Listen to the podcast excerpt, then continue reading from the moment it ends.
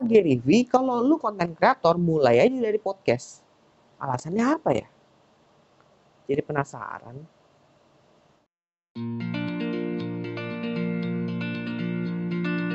Halo semuanya, selamat datang kembali di channel gua. Di channel akan membahas berbagai hal dan aktivitas yang akan dilakukan di rumah dan juga tips and trick untuk membuat konten atau proses produksi konten. Dan untuk video kali ini seperti video yang kemarin gua akan upload juga di podcast jadi bakalan gua convert nantinya buat teman-teman uh, pendengar podcast. Jadi topik kali ini adalah podcast itu cocok untuk konten kreator pemula. Alasannya apa? Oke, sebelum gue menjelaskan alasannya, gue bakal cerita sedikit tentang pengalaman gue menjadi podcaster selama 4 tahun ke belakang. So, uh, sedikit cerita aja bahwa gue itu memulai podcast itu di tahun 2018, di mana itu adalah awal perkembangan juga dari podcast booming di Indonesia sampai saat ini ya.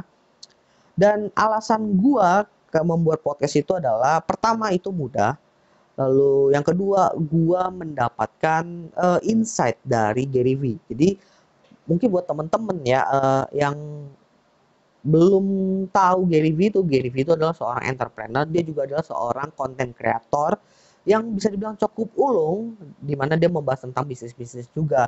Dan sampai saat ini ya, kalau kalian mau cek kontennya itu bisa di YouTube juga ada Gary V. Dia juga ada bikin podcast Nah, dia selalu bilang bahwa kalau bikin konten itu salah satu rekomendasi dia adalah podcast. Sampai saat ini dia masih merekomendasikan hal tersebut. Bikin podcast, bikin YouTube, bikin TikTok. Nah, TikTok ini juga baru-baru ini dia bahas. Ya. Lalu alasannya kenapa harus podcast untuk konten kreator pemula?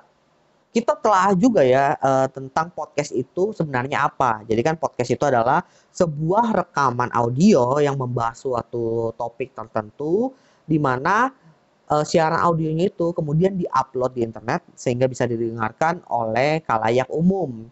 Nah, mungkin di Indonesia itu yang teman-teman baru tahu itu kan di 2018 ke atas ya. Sebenarnya uh, podcast itu juga udah ada di Indonesia udah dari tahun berapa gue juga kurang tahu tapi gue pernah nemu satu konten punya podcaster gitu di Indonesia dia itu udah tahun 2001 men bayangin 2001 udah ngupload podcast gue juga kaget loh ada juga loh yang ngupload podcast di tahun 2001 berarti udah lama masuk di Indonesia tapi kenapa baru booming sekarang alasan kenapa podcast itu bisa booming di Indonesia adalah Uh, pertama karena podcast itu dia benar-benar deep untuk para pendengar atau audiensnya.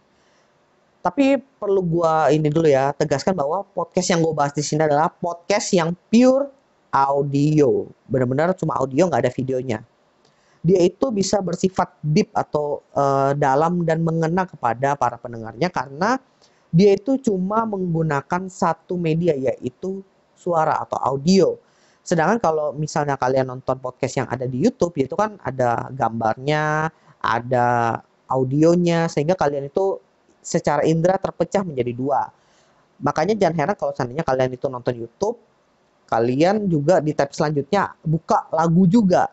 Kadang-kadang seperti itu kan. Tapi ketika kita dengerin podcast, biasanya kita cuma mendengarkan apa yang diomongkan oleh si pembawa uh, atau host dari podcast tersebut. Karena podcast itu kan bisa dibilang nggak jauh berbeda dengan radio cuma bedanya kalau radio itu live. Kalau seandainya podcast itu ya direkam kemudian diupload. Alasan kedua adalah karena podcast itu punya uh, karakteristik yang unik dan juga menarik untuk setiap podcastnya. Jadi dari tahun 2018 itu dari podcasternya cuma 5 sampai sekarang di mana podcaster itu udah bisa dibilang udah ratusan lah. Gue ngelihat dan juga mendengar podcast mereka itu gue merasa bahwa setiap podcast itu punya karakteristik yang unik dan punya charm mereka masing-masing lah. Entah dari uh, si sisi hostnya yang punya karakteristik atau pembawaan yang unik entah dari topik yang dia bawakan bahkan ya banyak juga kategori-kategori yang bisa dibilang cukup jarang untuk ditemukan di platform lain tapi kalian bisa temukan banyak di podcast kayak uh, cerita kayak puisi kan itu bisa dibilang jarang ya ditemukan di YouTube tapi ada Sedangkan di podcast itu banyak podcast yang membahas tentang puisi dan juga cerita. Seperti itu. Sekarang kita masuk kepada alasan kenapa podcast itu cocok banget untuk konten kreator pemula. Jadi gue udah ngerangkum beberapa alasan di sini. Uh, yang pertama, bahwa podcast itu bisa membantu kalian untuk mengembangkan kemampuan speaking kalian, public speaking, dan juga storytelling kalian. Karena itu kan benar-benar fokusnya kepada audio di mana uh, kalian itu cuma berfokus dengan apa yang kalian ucapkan. Nah, di sini kalian bisa belajar tuh gimana kalian memulai membahas sebuah topik. Entah kalian mulainya dari membuat skrip dulu, lalu kemudian kalian bacakan. Karena gue pernah melakukannya juga, gue baca skrip, gue bikin skrip, gue baca, benar-benar baca. Kemudian mulai berkurang menjadi poin-poin, kalian mulai improvisasi atau mungkin kalian ingin bercerita tentang pengalaman kalian. Nah, di situlah kalian belajar mengembangkan kemampuan storytelling kalian. Sehingga kalian bisa membangun sebuah cerita yang menarik untuk para audiens kalian. Alasan kedua, podcast itu bisa dibilang cukup bersahabat untuk para podcaster yang e, mengalami kesulitan dengan teknologi, yaitu semacam device-nya lah. Karena pada dasarnya ini kan cuma rekaman audio ya rekaman audio itu paling banter kalau misalnya kalian ngeluarin duit itu ya buat beli semacam audio recorder lah, perekam suara. Atau enggak yang paling simpel aja deh kalian pakai handphone. Kan handphone itu bisa dibilang bisa digunakan untuk bikin konten. Jangankan audio, bikin video aja sekarang udah bisa kan. Bahkan ya audio dari handphone itu sekarang banyak banget yang clean.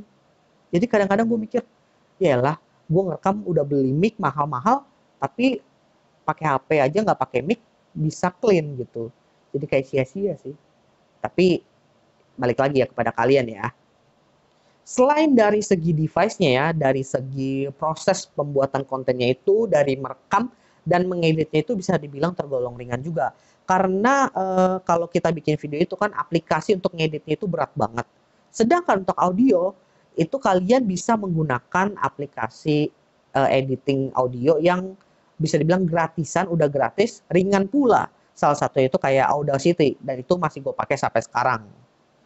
Selain di komputer, ternyata juga ada aplikasi untuk edit audionya itu yang ada di handphone atau di Android atau di iPhone. Ya masing-masing device ada lah ya. Di mana bisa dibilang ini menjadi uh, jalan yang mudah untuk para konten kreator. Jadi kalian udah rekam, langsung edit aja. Bahkan sekarang ada aplikasi di mana kalian bisa uh, rekam, edit, bahkan upload. Nah, ini udah satu aplikasi tuh, namanya Anchor. Nah, itu gue pakai dari tahun 2018 juga. Dan bisa dibilang sampai sekarang banyak podcaster yang pakai itu. Jadi menurut gue sangat membantu. Alasan keempatnya adalah distribusi konten yang bisa dibilang mudah dan juga bisa ke banyak tempat dalam suatu waktu tertentu. Nah, distribusi konten podcast itu memang berbeda dibandingkan dengan YouTube, TikTok, ataupun Instagram. Bedanya di mana? Kalau misalnya di platform yang udah gue sebutin tadi yaitu YouTube, Instagram, TikTok, ketika kalian bikin satu konten, kalian upload, ya udah kontennya itu cuma bakal stay di platform tersebut, cuma muter-muter aja di situ. Sedangkan untuk podcast ya, ketika kalian udah bikin konten lalu kalian upload, kalian itu bisa menyebarkan langsung ke beberapa platform tertentu. Jadi podcast itu kan bentuknya konten. Nah, dia punya platform-platform tersendiri yang ketika kalian upload dia bakal tersebar ke semuanya dan itu udah disupport oleh Anchor. Jadi kalau kalian udah upload di Anchor, nanti kalian itu bakal bisa didengarin podcastnya di Spotify, kemudian di Apple Podcast, di Anchor sendiri, kemudian ada juga Chartable, ada juga um, Player FM, pokoknya banyak deh. Dan setiap uh, platform tersebut juga punya pendengar uh, yang unik masing-masing, sehingga uh, kalian nggak perlu takut nggak ada yang dengerin podcast kalian. Tapi balik lagi untuk promosi konten kalian harus tetap usaha sendiri ya. Lalu alasan terakhir kenapa konten kreator itu cocok bikin podcast karena peluangnya masih sangat besar. Kok masih bisa sangat besar, Win? Jadi mungkin kalau seandainya kalian mengenal podcast itu dari YouTube, kalian melihat bahwa oh bikin podcast itu ya ngobrol sama orang. Padahal ya, kalau seandainya kalian bikin podcast yang bentuknya audio itu, kalian lihat bisa dibilang masih sangat sedikit yang membuat paling cuma ratusan dan ratusan di Indonesia itu bisa dibilang persentasenya sangat kecil. Jadi menurut gue peluangnya masih sangat besar untuk kalian menjadi seorang podcaster atau content creator yang bikin podcast. Kemudian ini cocok juga untuk uh, kalian yang ingin membangun fanbase terlebih dahulu karena balik lagi podcast itu kan sangat deep atau sangat mengena ya untuk para pendengarnya atau audiensnya sehingga ketika kalian udah menemukan uh, audiens yang cocok untuk diri kalian bisa dibilang para pendengarnya itu loyal sih. Karena udah cocok aja gitu dari suaranya. Wah suaranya pembawanya udah cocok gitu. Sehingga cocok buat kalian ketika kalian ingin membangun uh, fanbase sebagai konten kreator.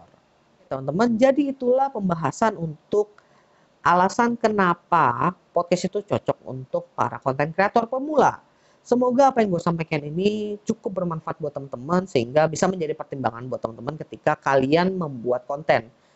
Sebenarnya untuk uh, membuat konten itu nggak harus dari podcast sih, tapi gue cuma menyarankan bahwa podcast itu cocok untuk pemula. Tapi ketika kalian ingin buat konten di platform lain, silakan saja karena banyak juga platform yang menyediakan uh, semacam privilege para kepada para konten kreator pemula seperti TikTok. Seperti itu. So, terima kasih buat teman-teman yang sudah menonton dan mendengarkan. Ditunggu untuk konten selanjutnya.